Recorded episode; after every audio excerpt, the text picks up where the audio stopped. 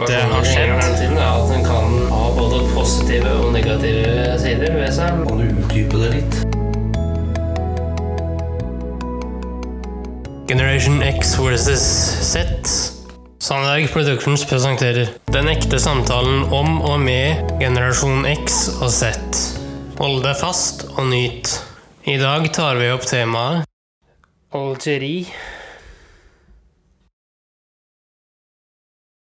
Hallo og hjertelig velkommen til en ny episode av Generation X versus Z. Din formidler av generasjonskløften mellom generasjon X og Z.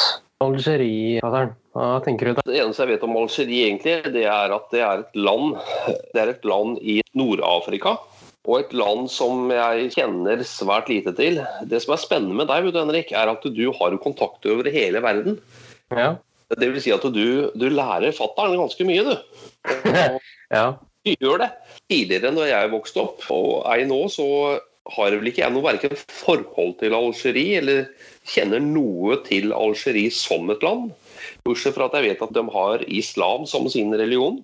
Opplever det som kanskje et veldig lukka land som man ikke vet noe om. Men samtidig så kjenner jeg en kar som har vært i Algerie åtte-ti ganger og har vel bare positive ting å si om landet. Men det blir jo spennende å høre, da, fordi jeg vet du har intervjua en, en fra Algerie. ja, og temaet blir da Algerie, som du hørte innledningsvis her. Ja, jeg gleder meg, Henrik, så bare kjør på.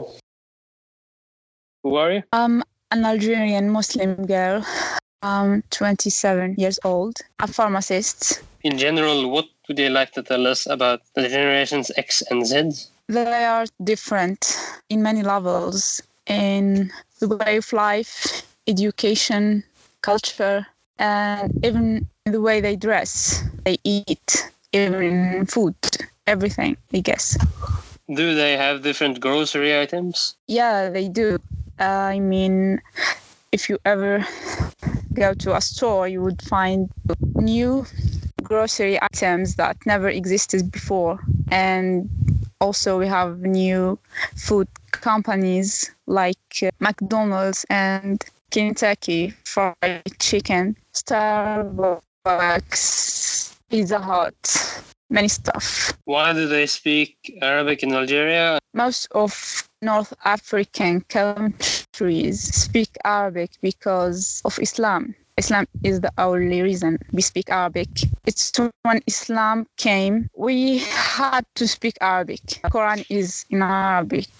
Does the Spanish influence play a big role in Arabic today and the Arab world? Yeah, The reason why I'm asking is because Spain was Islamic in what 1500s, I believe.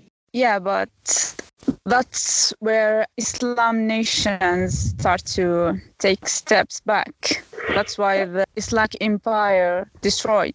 Spain wasn't 100% a Muslim country. How much faith do they have in the future, and what concerns them in the coming years?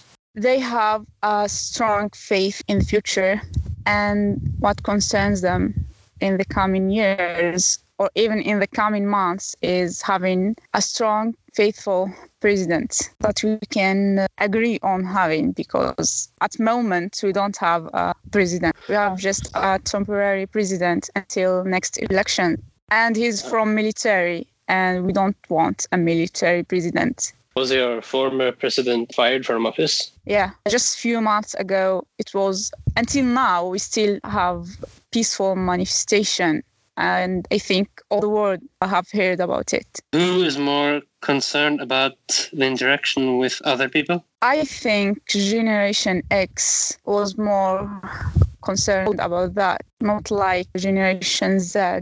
Would you perhaps care to elaborate on why you say it like that? Yeah, well, Generation X used to care more about others and used to help each other, used to help neighbors, and used to be concerned about the society. Like what generation there is, all they care about is themselves. They are too selfish. What do they think about Norway? Norway is a very beautiful and developed country. It's a very beautiful place. And if I ever got a chance to see that beautiful place, I would definitely take it. It's good. Yeah, maybe one day you'd invite me to visit your country.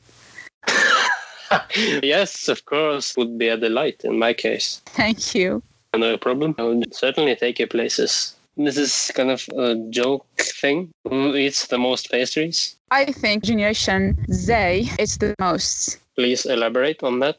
I I think, according to what I see and what I heard about, that Generation X used to care more about farming and health food and healthcare.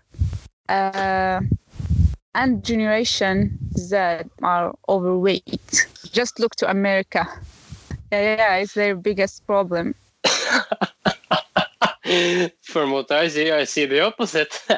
Yeah, seriously. I see the opposite case for some reason. No, it's not the obvious case. You just have to look it up. Okay, we'll do that. Uh, Yeah. Is there anything else you would like to convey that we haven't asked you about?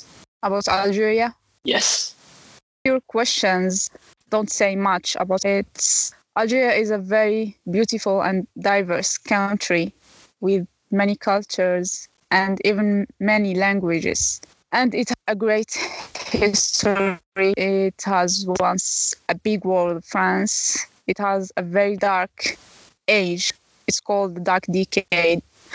After that, Algeria really had very difficult times, but we still have our great history and we are still hoping for a better future. We just rised up. When you say you had a dark age, is this from the colonial times with France? Of course, France has a hand in that. And it happened after independence that we don't have it until today. Algeria still a French colony till this moment. And I'm not going to say more details, but that dark decade, it was about elections. Someone won elections and they they didn't want him to be the president.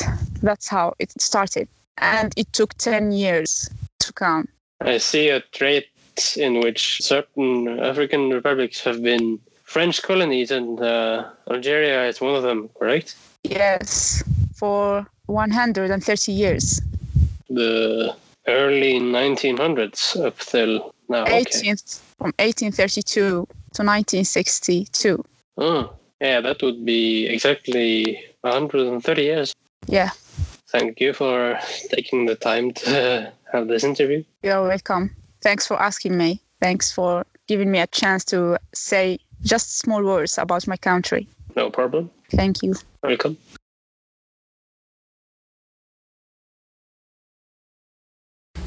Ja, har du noen kommentarer der, eller, kjære kompan? Jeg syns det var interessant å høre på det. For meg virker det at hun er glad i sitt eget land. Eh, Ja, han har veldig sterke formeninger om det, og det andre vi da har eh, snakket om eh, tidligere. Hun har formeninger som nødvendigvis ikke er være forenlig med i mediebildet. Hun tenker selv at islam er eh, en eh, perfekt levemåte, noe du får vite mer om i neste episode. Hva tenker du om det da? Nei, Det blir jo spennende å høre hva hun mener om de tingene. Hva, hva tenker du om det vi har hørt nå? Det, nei, altså det jeg tenker om det vi har hørt nå, er jo det at ja, hun har sine meninger om sitt hjemland. Og det er jo fint det, at hun velger å si sin mening og ikke følge Ja. myndighetene, f.eks. ja jeg følger henne gjerne mer på den reisen vi skal gjennom nå, Henrik. I at eh, vi får eh, gjenhør da, med henne. Ja, Eh, du kan jo bare klinke til med noen etterfølgende spørsmål når hun sier noe. da. Ja, hun har egentlig sagt at jeg skal egentlig ikke overraske med sånne ekstra spørsmål eller hun liker det ikke, nei. Nei, jeg skal liksom ikke be om Ok. utdypelser eller noen Nei, ting. nei, nei, greit. Da skal jeg bare ta det svaret jeg får, og Ja, fordi det du har gjort, du har sendt henne spørsmål på forhånd, har du ikke det? Jo, Ja. eh, jeg, jeg gjør det med enhver gjest jeg har, at jeg sender et dokument da med spørsmål på forhånd, sånn at gjesten da kan eh, lese seg opp og prøve da å komme med så gode og så utfyllende svar som mulig. Men Henrik, du kan jo prøve en gang, da. Følgende spørsmål, da. Som for eksempel Nei, det må du nesten ta når svarene kommer, Henrik. Sånn der og da. Ja, men det er det som på en måte lager problemet hvis jeg gjør det. Og sagt det nå, at dere vil ikke ha disse overraskelsene i form av ekstra spørsmål. Nei, ok. Nei, vi får eh, akseptere det, Henrik. Men det blir spennende uansett Henrik, å høre hva hun sier i de neste intervjuene. Ja, det blir det. Det, det må jeg si. Ja, det blir det. Ja. Og da skal vi runde av der, da, eller? Det kan vi gjerne gjøre. Og som always, eh, Henrik, alltid hyggelig å snakke med deg. Jo, takk det samme. Jo, hjertelig tusen takk. Tusen takk for at du fulgte oss. Gi gjerne tilbakemelding, likes eller kommentar på Facebook-siden vår Generation X versus Z. Velkommen igjen til neste podkastepisode. Hei då!